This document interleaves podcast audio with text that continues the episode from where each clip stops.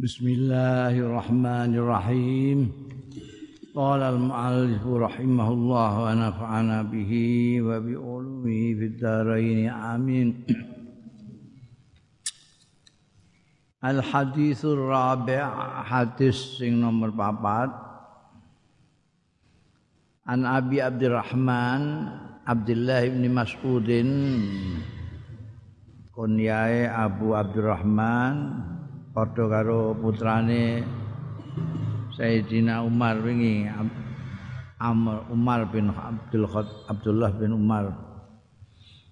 Kunya ya Abu Abdurrahman. Iki asmane Abdullah bin Mas'udin radhiyallahu anhu qala ngendika sapa Abdullah bin Mas'ud haddatsana Rasulullah.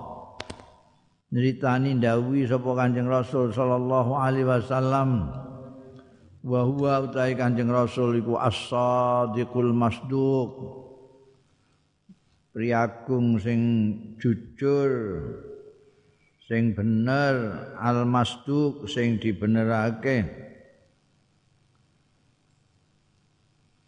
dingendikani inna hadakum setune salah siji ro kabeh iku yujma'u dikumpulake apa khalquhu penitahane ahadukum fi batni ummihi ana ing jerone wetenge mboke akadukum arba'ina yauman patang puluh apane yauman dinane. Nutfatan berupa nutfah Suma yakunu mongko keri-keri ana akadukum iku alaqatan berupa alaqah nutfah itu spermatozoa. Anane wong lanang itu alaqah itu sudah getih kental yang merupakan dari mani menjadi getih kental misla zalika dalam sepadane mengkono-mengkono arba'ina yauman. Sumayakunu mongko keri-keri ana ahadukum ana iku mudghatan. Segumpal daging.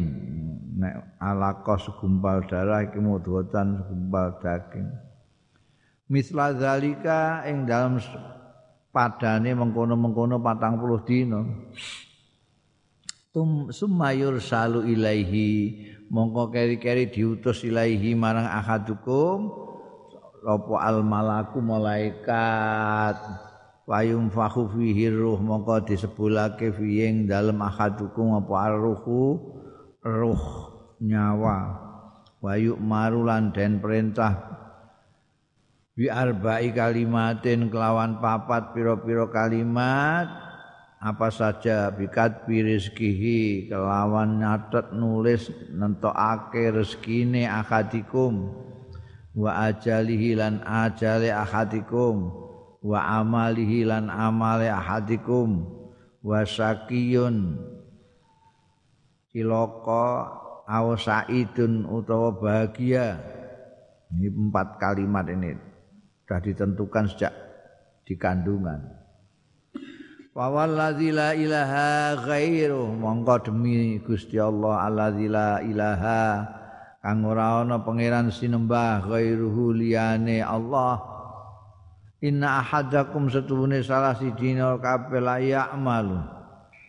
Yakti ngamal ya akadukum bi amali ahli jannati kelawan ngamali ahli swarga hatta mayakunu bainau sehingga antara ora ana antarane akadukum wa baina halan antarane jannah swarga illa zira kejaba sak zira zira sekitar setengah meter lah sehasta.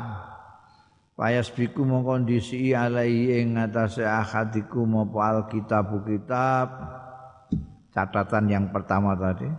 Waya malu mongko nindakake ya ahadukum bi amali ahli nari kelawan amali ahli neraka. Naudzubillah min zalik wa yadkhuluha mongko mlebu sapa ahadukum ing ahli ing nar wa inna ahadakum lan setune salah siji ro kabeh la ya'malu. Yaktine ngamal ya ahadukum bi amali ahli nar kelawan ngamal ahli neraka hatta mayakun sehingga barang kang ana bainahu antarane ahadukum wa bainalan antarane nar illa apa illa diraun kejaba sak hasta fayas biku kondisi alaihi ing atase ahadukum apa alkitab catatan biyen kae. Payak malu. Mongko ngamal ya akadukum ahlil bi amali ahlil jannati lawan amali ahli swarga fayat khuluha mongko mlebu sapa akadukum al jannata ha ing jannah. Rawahu riwayatake hadis sapa al bukhari imam bukhari wa muslimun lan imam muslim.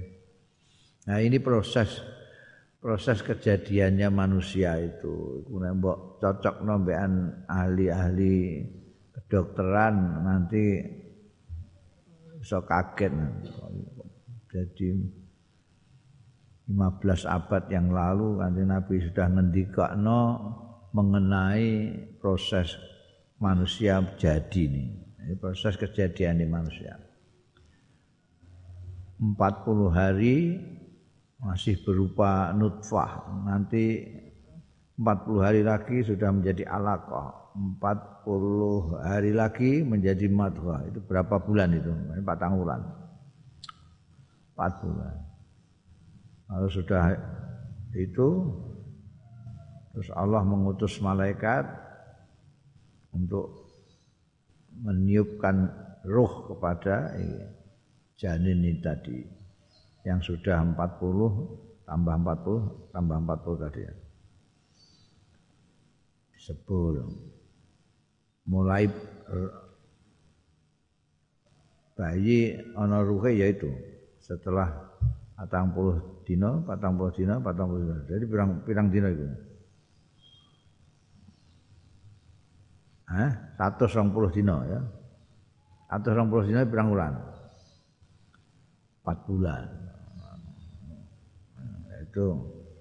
ini ulama-ulama ketika membahas tentang absor aborsi boleh enggak aborsi itu menggugurkan kandungan itu ada yang mengatakan boleh asal belum empat bulan.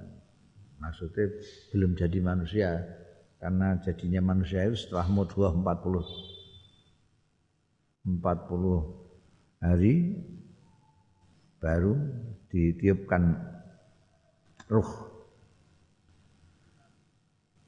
Sekaligus ini paket dikasih nyawa kemudian ditentukan empat hal rezekinya nanti rezekinya seret apa lapang bancar itu sudah dicatat sejak di kandungan itu.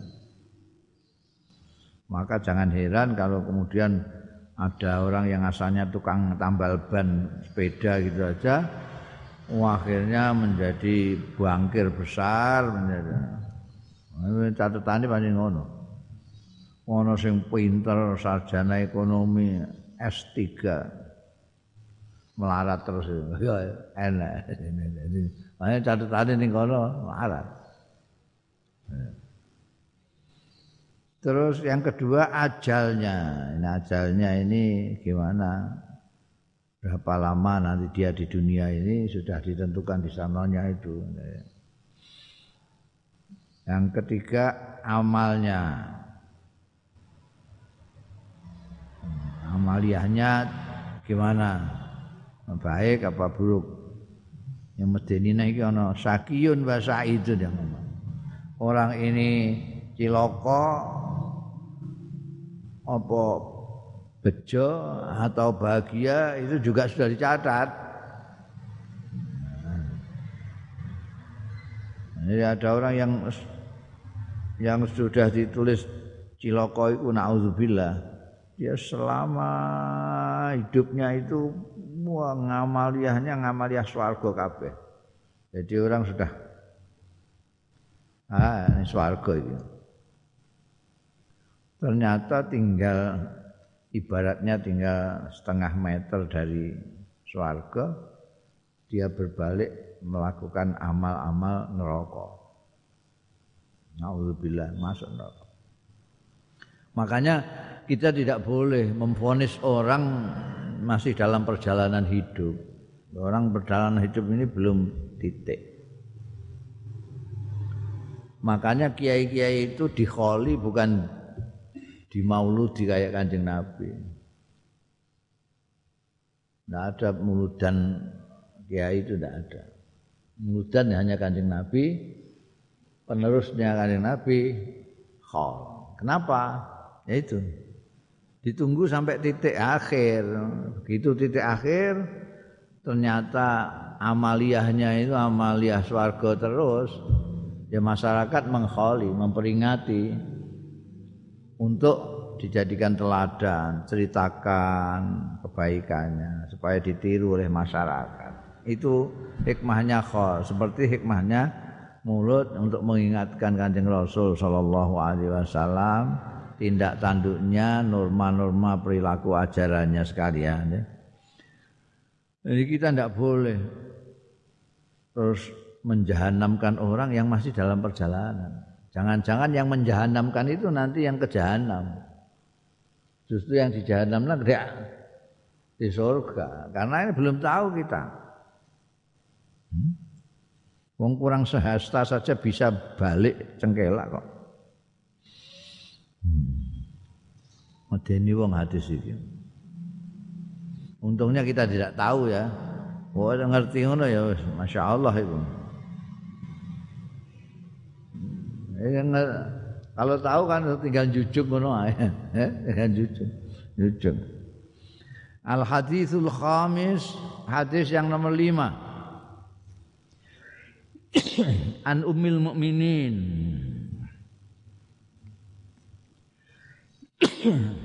An ummil mukminin saking ibune wong-wong mukmin kabeh. Julukane gelare garwane Kanjeng Rasul sallallahu alaihi wasallam iku ummul mukminin. Ibunya orang-orang mukmin seluruhnya. Karena dia garwane Kanjeng Rasul sallallahu alaihi wasallam bapak dan pemimpin kita semua. Kunyae Ummi Abdillah. Lho apa duwe putra asmane Abdullah kok dikunyai Ummi Abdullah. Dia tidak punya, tapi punya ponaan Abdullah namanya.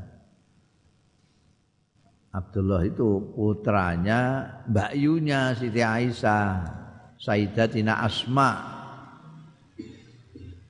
Sayyidina Asma. Sayyidina Asma itu punya suami Az-Zubair, mempunyai anak Abdullah.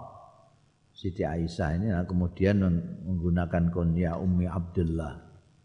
Asmane dewi Aisyah. radhiyallahu anha. Kala dawuh sapa Ummul Mukminin Sayyidatina Aisyah Kala dawuh sapa Rasulullah Kanjeng Rasul sallallahu alaihi wasallam Man ahdatsa fi amrina tai sapaning wong sing gawe anyar ya man. Fi amrina ing dalem agama kita iki. Hadza iki anyar nganyarake ma ing barang laisa kang ora ana minhu saking amrina wa huwa mongko utawi malai saminhu iku radun ketolak Rawahul Bukhari wa Muslimun ngriwayatake hadis iki sapa Imam Bukhari Muslim wa fi riwayati li Muslimin wa fi riwayatin niku kesebut ana ing suwijining riwayat li Muslimin kedua Imam Muslim dhewe man amila amalan iku redaksine maksude redaksine Imam Muslim pengertiannya sama baik yang di Bukhari maupun di Muslim. Sumbernya juga sama, Sayyidatina Aisyah. Cuma redaksinya yang berbeda. Di Muslim redaksinya man amila amalan. Tai sapaning wong amila sing amal yeman amalan ing amalan laisa alaihi kang ora ana alaihi ing atase amalan. Apa amruna? Perkara kita agama kita iki fahuwa mongko utahe amal iku raddun ketolak. Iki sing gawene dienggo dalil bid'ah-bid'ah barang iku. Untuk kita untuk jadi sesuatu yang baru yang bukan diajarkan Rasulullah sallallahu alaihi wasallam itu ketolak. Karena makanya ahli-ahli fakih itu ulama-ulama fakih itu tidak hanya berpegangan satu hadis kayak wong saiki duwe satu hadis terus dinggo dalil dinggo tausiah dinggo fatwa segala macam jadi ulama-ulama seperti Imam Syafi'i, Imam Malik, Imam itu menguasai semua hadis-hadis itu dari sana beliau melihat termasuk dari Al-Quran segala macam baru istimbat hukum. Jadi tidak kok satu hadis diwoco tanpa mengetahui ilmu hadis itu sama saja dengan moco terjemahan Quran Kementerian Agama orang tahu ngaji ilmu Quran terus fatwa pakai itu bisa menyesatkan. Mulanya emeh fatwa ya kudu mencukupi syarat-syarat fatwa, mengetahui sekian ribu hadis supaya enggak minimal nek kowe gak gelem kangelan membukai ribuan hadis, lihat saja. Yang sudah dibukukan, yang sudah dimodifikasi oleh imam-imam seperti Imam Malik, Imam Syafi'i, Imam Hambali, Imam Hanafi itu buka. Mereka melihat dari Quran hadis dari berbagai macam. Bab mono kalau tidak boleh asal yang baru tidak boleh. Wah itu ya kacau. Orang itu kan orang saiki kan karena moco iki terus pokoknya iki anyal ditolak, anyal ditolak. Kadang-kadang terus tidak konsisten. Yang dicolak, yang dia tidak biasa ngamal no, yang dia tidak suka saja yang dibid'ahkan. Tapi yang sudah terlanjur dilakukan, ini tidak sadar. Karena biasanya sing kawine dibid'ahkan kan nguludan. Nguludan. Oh, bahasa gitu-gitu. Tahlilan. Enggak enggak ada tapi tidak sadar bahwa mushaf yang dibaca setiap hari dia buat dalil juga itu itu beta juga. Karena zaman kanjeng Nabi itu tidak ada Quran mushaf tidak ada. Karena alasannya, tapi kan sejak zaman Sayyidina Utsman sudah dimodifikasi. Sudah dibikin kayak Quran ini. Iya tapi pada waktu itu tidak ada titik, tidak ada.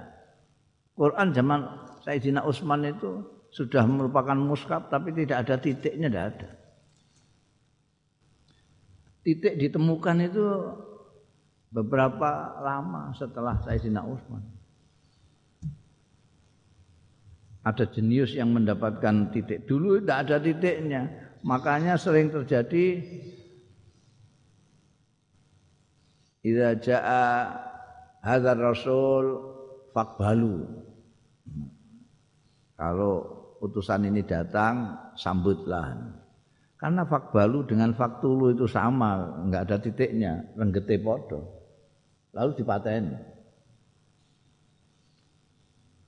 Fakbalu dibaca faktulu, karena renggete podo. Pak, alif, bundel, rengget, lam faktulu mbek fakbalu padha sitoke fakbalu titik ngisor faktulu titik loro dhuwur karena tidak ada titiknya karena dulu itu muskap itu hanya untuk ngeling-eling wong sing rada ora pati apal atau apal rada lali-lali sithik. Intinya dulunya itu dihafal, Quran itu dihafal. Catatan-catatan itu hanya untuk mengingatkan saja. Ana pluntel-pluntel ah iki mesti faktulu iki. Mergo siaknya begini. Kaitannya konteksnya ini ini ini. Ini bacaannya begini, hanya mengingatkan ingatan saja. Belakangan baru ada yang mendapatkan titik-titik itu. Titik satu bawah bak, titik satu di atas nun, titik dua di atas tak, titik itu baru ditemukan belakangan. Lebih belakangan lagi sing mbok waca kowe iku harokat Jabar Jel Fatkah Kasroh itu karena orang-orang ajam yang non Arab tidak ngerti juga sudah ada titik tetap ora iso maca. Ora apa ora ora iso maca. Diharokati. Itu juga hal baru. Semua mengatakan itu baik muskap itu. Kenapa? Karena ada hadis lain yang mengatakan mansanna sunnatan hasanatan. Siapa yang merintis sesuatu yang baik maka dia akan mendapat pahala sampai orang-orang yang nanti akan melaksanakan akan mendapatkan juga. Jadi Sayyidina Utsman, Sayyidina Umar segala macam nanti untuk pahalanya orang yang baca Quran terus ini muskap ini. Karena beliau merintis sesuatu yang sebelumnya tidak ada. Jadi rintisan itu ya ikhdas membuat sesuatu yang baru. Kalau di pokok kalau yang baru mesti bid'ah, wal bid'ah itu mesti nengnar, tidak ada rintisan. Rintisan-rintisan yang diakui oleh agama mansana sunnatan itu rintisan. Kowe gawe kitab terus gawe pesantren gawe orang yang pertama kali bikin pesantren itu nanti terus mendapatkan pahalanya karena pertama kali yang merintis pesantren itu dia. Setiap kali ada pesantren dia dapat pahala. Kosok wang sule Nek ana wong keplek judi nganggo. itu sing gawe untuk terus untuk untuk untuk anu. Untuk bagian terus. Sing gawe remi, gawe apa jenenge keplek iku untuk terus nek dinggo judi mbek wong nganti ila yaumil kiamah. Jadi memang ya kudu ngaji ya. Al haditsus sadis hadis yang keenam An Abi Abdin Nu'man ibn Ba. Apa to keliru iki mesti An Abi apa? Eh? Abdillah. Iya. An Abi Abdillah, kurang Allah itu ning ngono. Sing kaya naskahku iki mesti iki gawe anu bagian kene iki. Oh, Surabaya. Kurang An Abi Abdullah iku kunyae sahabat Nu'man bin Bashir. An Abdi Abdullah An Nu'man ibn Bashir radhiyallahu anhuma Kala ngendika sapa sahabat Nu'man sami tu mireng sapa ingsun Rasulullah ing Kanjeng Rasul sallallahu alaihi wasallam. Tak pireng yakul ingkang dawuh ya Kanjeng Rasul innal halala bayyinun wa innal harama bayyinun.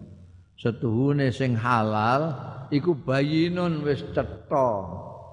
Jelas. Babi. Alam getih haram wak pitik halal tahu halal. Watu mbok pangan haram. Sing halal cetha wa innal haram lan setune sing haram iku bayinun ya cetha. Cuma wa bainahuma iki wa bainahuma lan antarane sing halal mbek sing haram umurun utawi pira-pira perkara mustabihatun sing jumbuh-jumbuh. Enggak jelas. Iki halal apa haram? Layak lamuhuna sing ora ngerti ing umur mustabihatun mau sapa kasirun wong akeh minan nasi saking menusa banyak sekali yang tidak tahu yang tengah-tengah itu yang haram halal ya bagaimana mulane famanit tako mongko sapaning wong sing menjaga diri asubuhati ing barang-barang hal-hal yang jumbuh-jumbuh tadi. Fakotis tabroa mongko teman-teman membebaskan diri lidinihi kanggo agamane manitako wa irdihi lan kehormatane manitako Waman lan sapaning wong ta sapaning wong waqa'a kang tumiba ya man fis subuhati ing dalem hal-hal sing subuhat subuhat mau sing gak cetha gak cetha. Jumbuh-jumbuh waqa'a berarti tumiba ya man fil haraming dalem haram. Tepane kaya karoi kaya dene wong pangon pangon cahangon yara sing angon ya rai haulal khima ana ing sekitar sengkeran. Sengkeran itu saiki jenenge apa? Cagar. Cagar. Ana sing jenenge cagar budaya. Ana cagar kerajaan. Cagar itu khima yusiku meh-meh. Apa ayar ta'a yen to ngangon ya ra'i fihi ing dalem khima ala eling-eling wa innalikul limalikin setuhune iku kedue saben-saben raja khiman. Ana sengkeran cagar sing ndak boleh orang dekat-dekat situ. Ala eling-eling wa inna himallah. Lan setuhune sengkerane Gusti Allah cagarne Allah iku maharimuhu perkara-perkara sing diharamake Allah taala. Kalau yang halal itu jelas. Yang haram jelas. Ada yang tidak jelas haram dan tidaknya. Itu sikap kita bagaimana sebaiknya? Karena banyak yang tidak tahu ini. Ini halal apa haram? Halal apa haram? Kalau menurut hadis ini itu kalau orang menghindarkan yang tidak jelas itu dia akan bebas. Enak. Mulane orang-orang yang namanya wirai-wirai itu kalau tidak jelas-jelas halal tidak mau. Subuhat Ini kopinya siapa? Ini kok cingkire seperti kopi saya, tapi tadi saya ingat saya, saya tidak pernah bikin kopi. ini nggak jelas ini. Melihat cingkirnya punya saya, melihat kopinya ini kayak bukan punya saya. Jadi kowe sikat ae lah apa. Salah yang nganggo cingkirku anu. Tapi kalau orang wirai tidak mau, jadi tunggu dulu sampai jelas. Nah, kalau nggak jelas ya sudah tidak dimakan. Gitu. Nah, yang subat-subat, jadi eh, orang-orang wirai tidak hanya menghindari yang haram, tapi menghindari juga hal-hal yang tidak jelas halalnya. Jadi kamu menggembala kambing dilarang dekat-dekat cagar budaya atau itu ada. Biasanya raja-raja punya sengkeran. Ini miliknya raja tidak boleh orang masuk. Kambing maupun orang tidak boleh masuk. Tapi kamu angon wedus ning kono ning sekitarnya itu kamu tidak masuk karena kamu bisa baca tulisannya dilarang. Nah. tapi kambingmu kan tidak bisa baca kambing dia bisa masuk situ. Mulanya lebih baik menghindari dari khima itu. Ya, bicara soal sengkeran, soal cagar itu setiap raja punya itu, mesti punya. Dia punya sesuatu yang hanya milik raja. Malah Aja Jawa kene ana keputren, ana keputren, ana macam-macam sangkel, sengkelannya yang tidak boleh dimasuki orang awam, orang umum. Lah cagarnya Allah itu ya yang diharam-haramkan Allah itu. Nah, jangan dekat-dekat itu karena, karena itu sengkerane Gusti Allah taala. Allah eling-eling wa inna fil jasadi mudghah wa innal fil jasadi setuhune. Fil jasadiku ing dalam jasad. Jasad kita semua ini. Mudghatan ana segumpal daging mudghah Idza saluhat tatkarane patut ya mudghah saluha mongko patut apa al jasadu? Jasad kuluhu sekabehane jasad badan fisik kita ini. Tapi wa idza fasadat nalikane rusak apa mudghah mau fasada mongko rusak apa al jazadu jasad iki kuluhu sekabehane jasad. Allah eling-eling wahya utawi mudghah iku al qalbu Biasanya kita maknani hati. Kolbu itu kue nek kepengen tuku hati nih gini pasar Arab. Terus kue muni. Anak uri itu kolban. kue dikei jantung. Tuh. Ini kan jantung. Ya, kamu kamu mintanya jantung, kolban. Maksud saya Tumbuk terang lah anu kan bingung gue.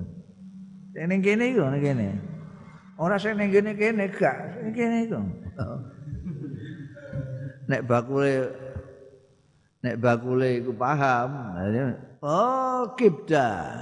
Nek ati sing mbok sate itu kancane rempelo barang itu itu jenenge kibda. Itu itu bahasa fisik. Bahasa fisik. Tapi kolb yang berlaku di kitab-kitab itu bisa berarti fisik bisa berarti non fisik umumnya non fisik mulanya dimaknani hati Neng juga lalu kalbu itu hati. Jagalah hatimu itu maksudnya kalbu. Kalbu dari bahasa Arab juga kalbu. Neng yang dimaksud juga itu, yang non fisik.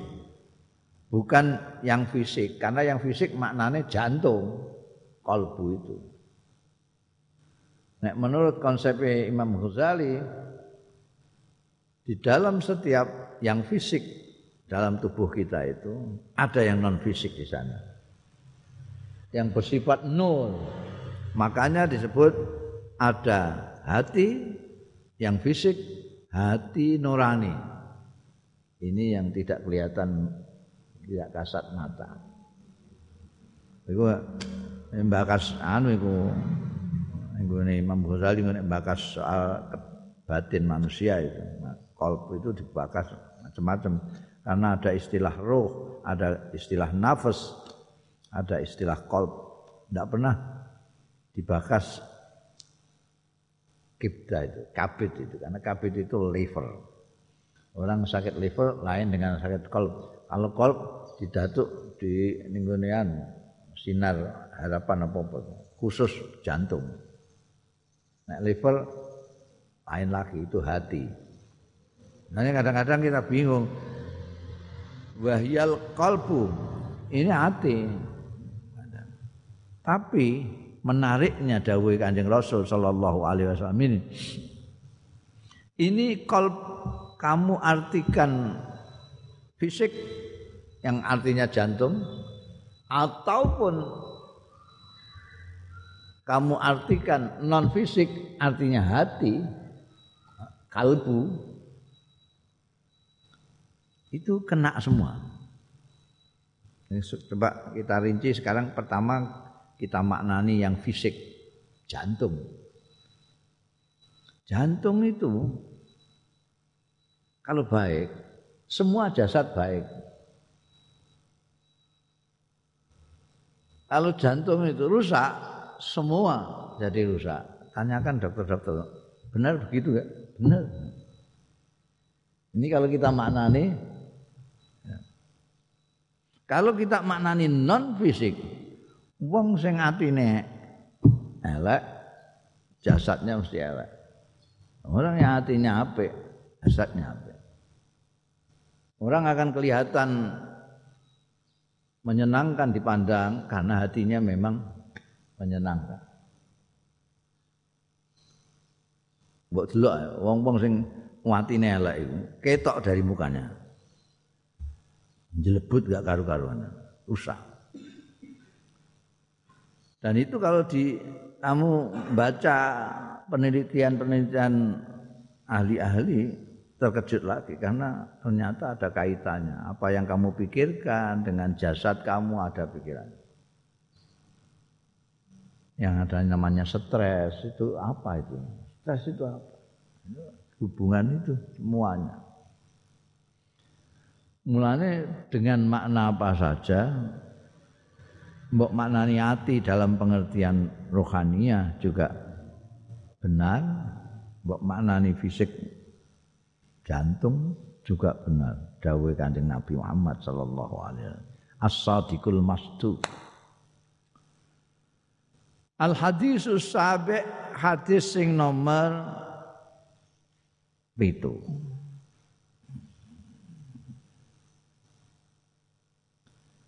An Abi Ruqayyata kunyah iki saking sahabat Abu Ruqayyah asmane dhewe Tamim bin Ausin Tamim bin Aus Ad-Dari.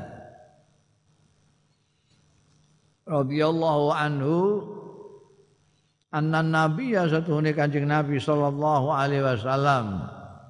Kala ngendika kanjeng nabi ad-dinu an-nasihatu. Utawi agama iku an-nasihatu gawe becik. Di sini nasihat kemudian berkembang menjadi anjuran baik. Bukan berbuat baik tapi anjuran baik. Nasihat nasihat. Ayo dengarkan nasihat aslinya nasihat itu berbuat baik. Kulna matur kita para sahabat pada waktu itu menurut ceritanya Tamim bin Aus kita semua pada waktu itu bertanya nasihat itu liman kalau agama itu nasihat kepada siapa? Berbuat baik kepada siapa? Kala jawab dawuh sapa Kanjeng Rasul sallallahu alaihi wasallam ya lillah pada Allah wali kitabihi lan kitabe Allah wali rasulihi lan utusane Allah wali aimmatil muslimina lan pemimpin-pemimpin Islam wa amatihim lan umum um, umume wong-wong Islam rawahu muslimun riwayatake ing hadis yang bersumber dari Abi Ruqayyah ini sapa muslimun Imam Muslim. Sesuai.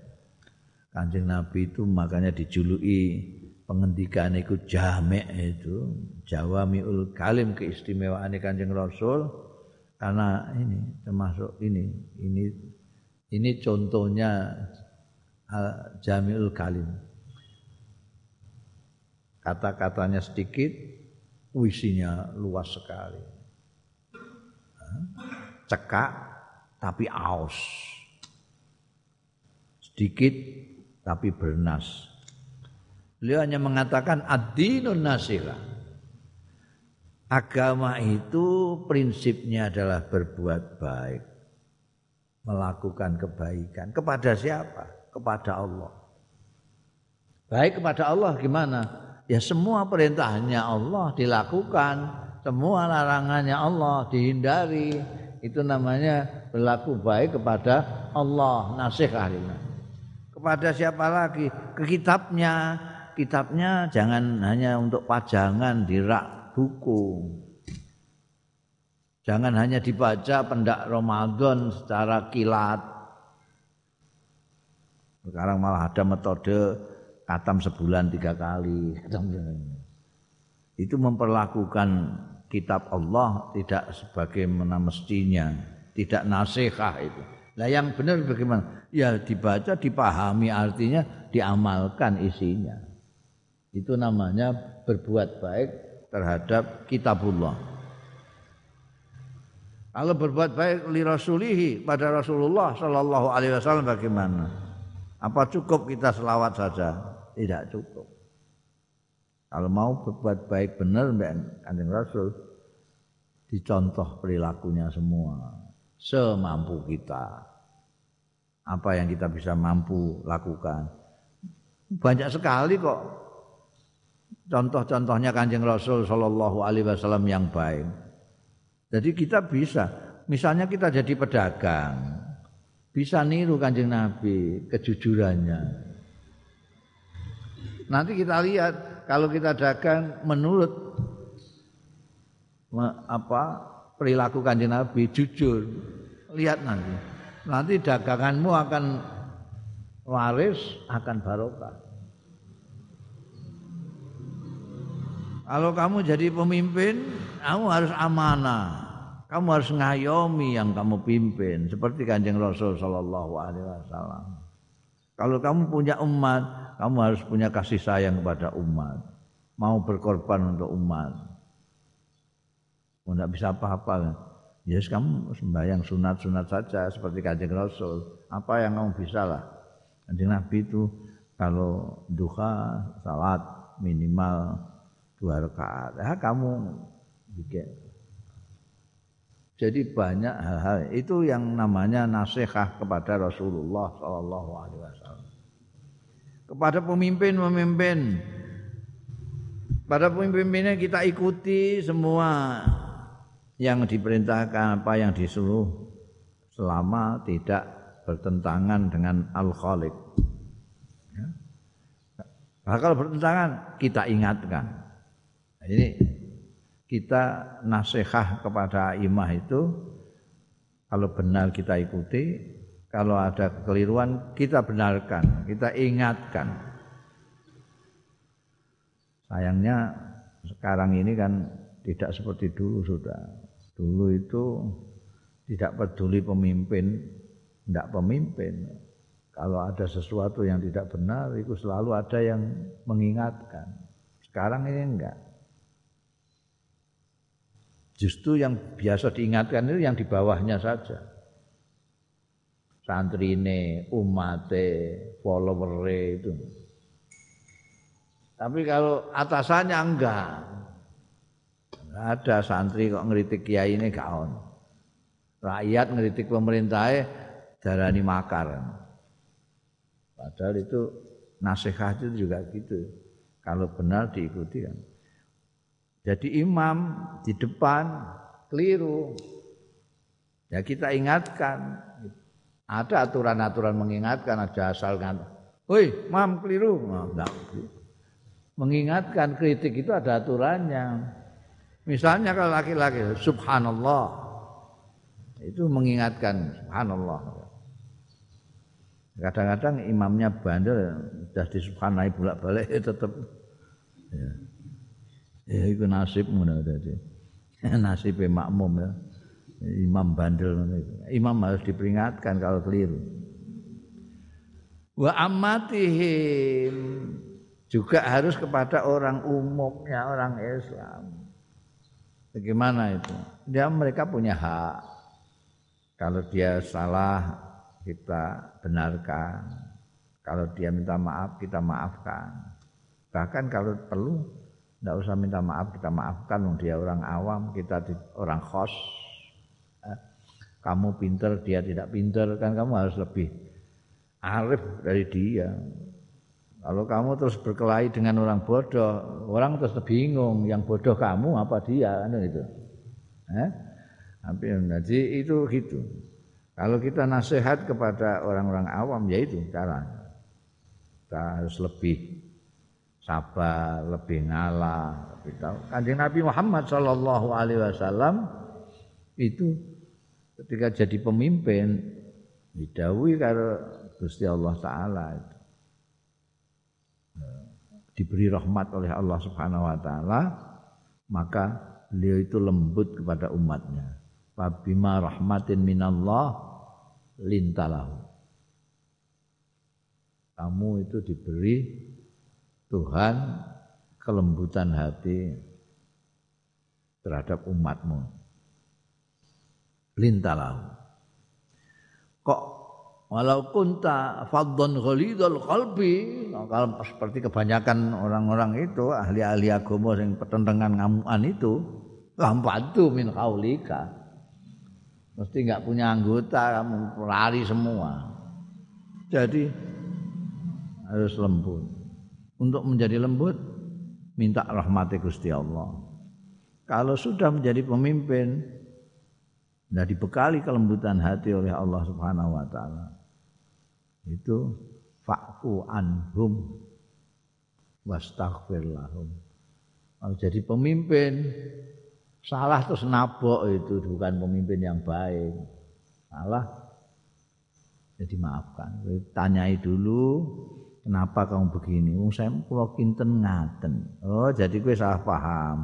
Sok-sok neh nek kowe gak paham takon ya. Nggih. Maafkan. Fa'fu an. Lah kalau dia berdosa kepada Allah bukan pada kita. Wastaghfir lahum. Kamu yang mintakan ampunan kepada Allah.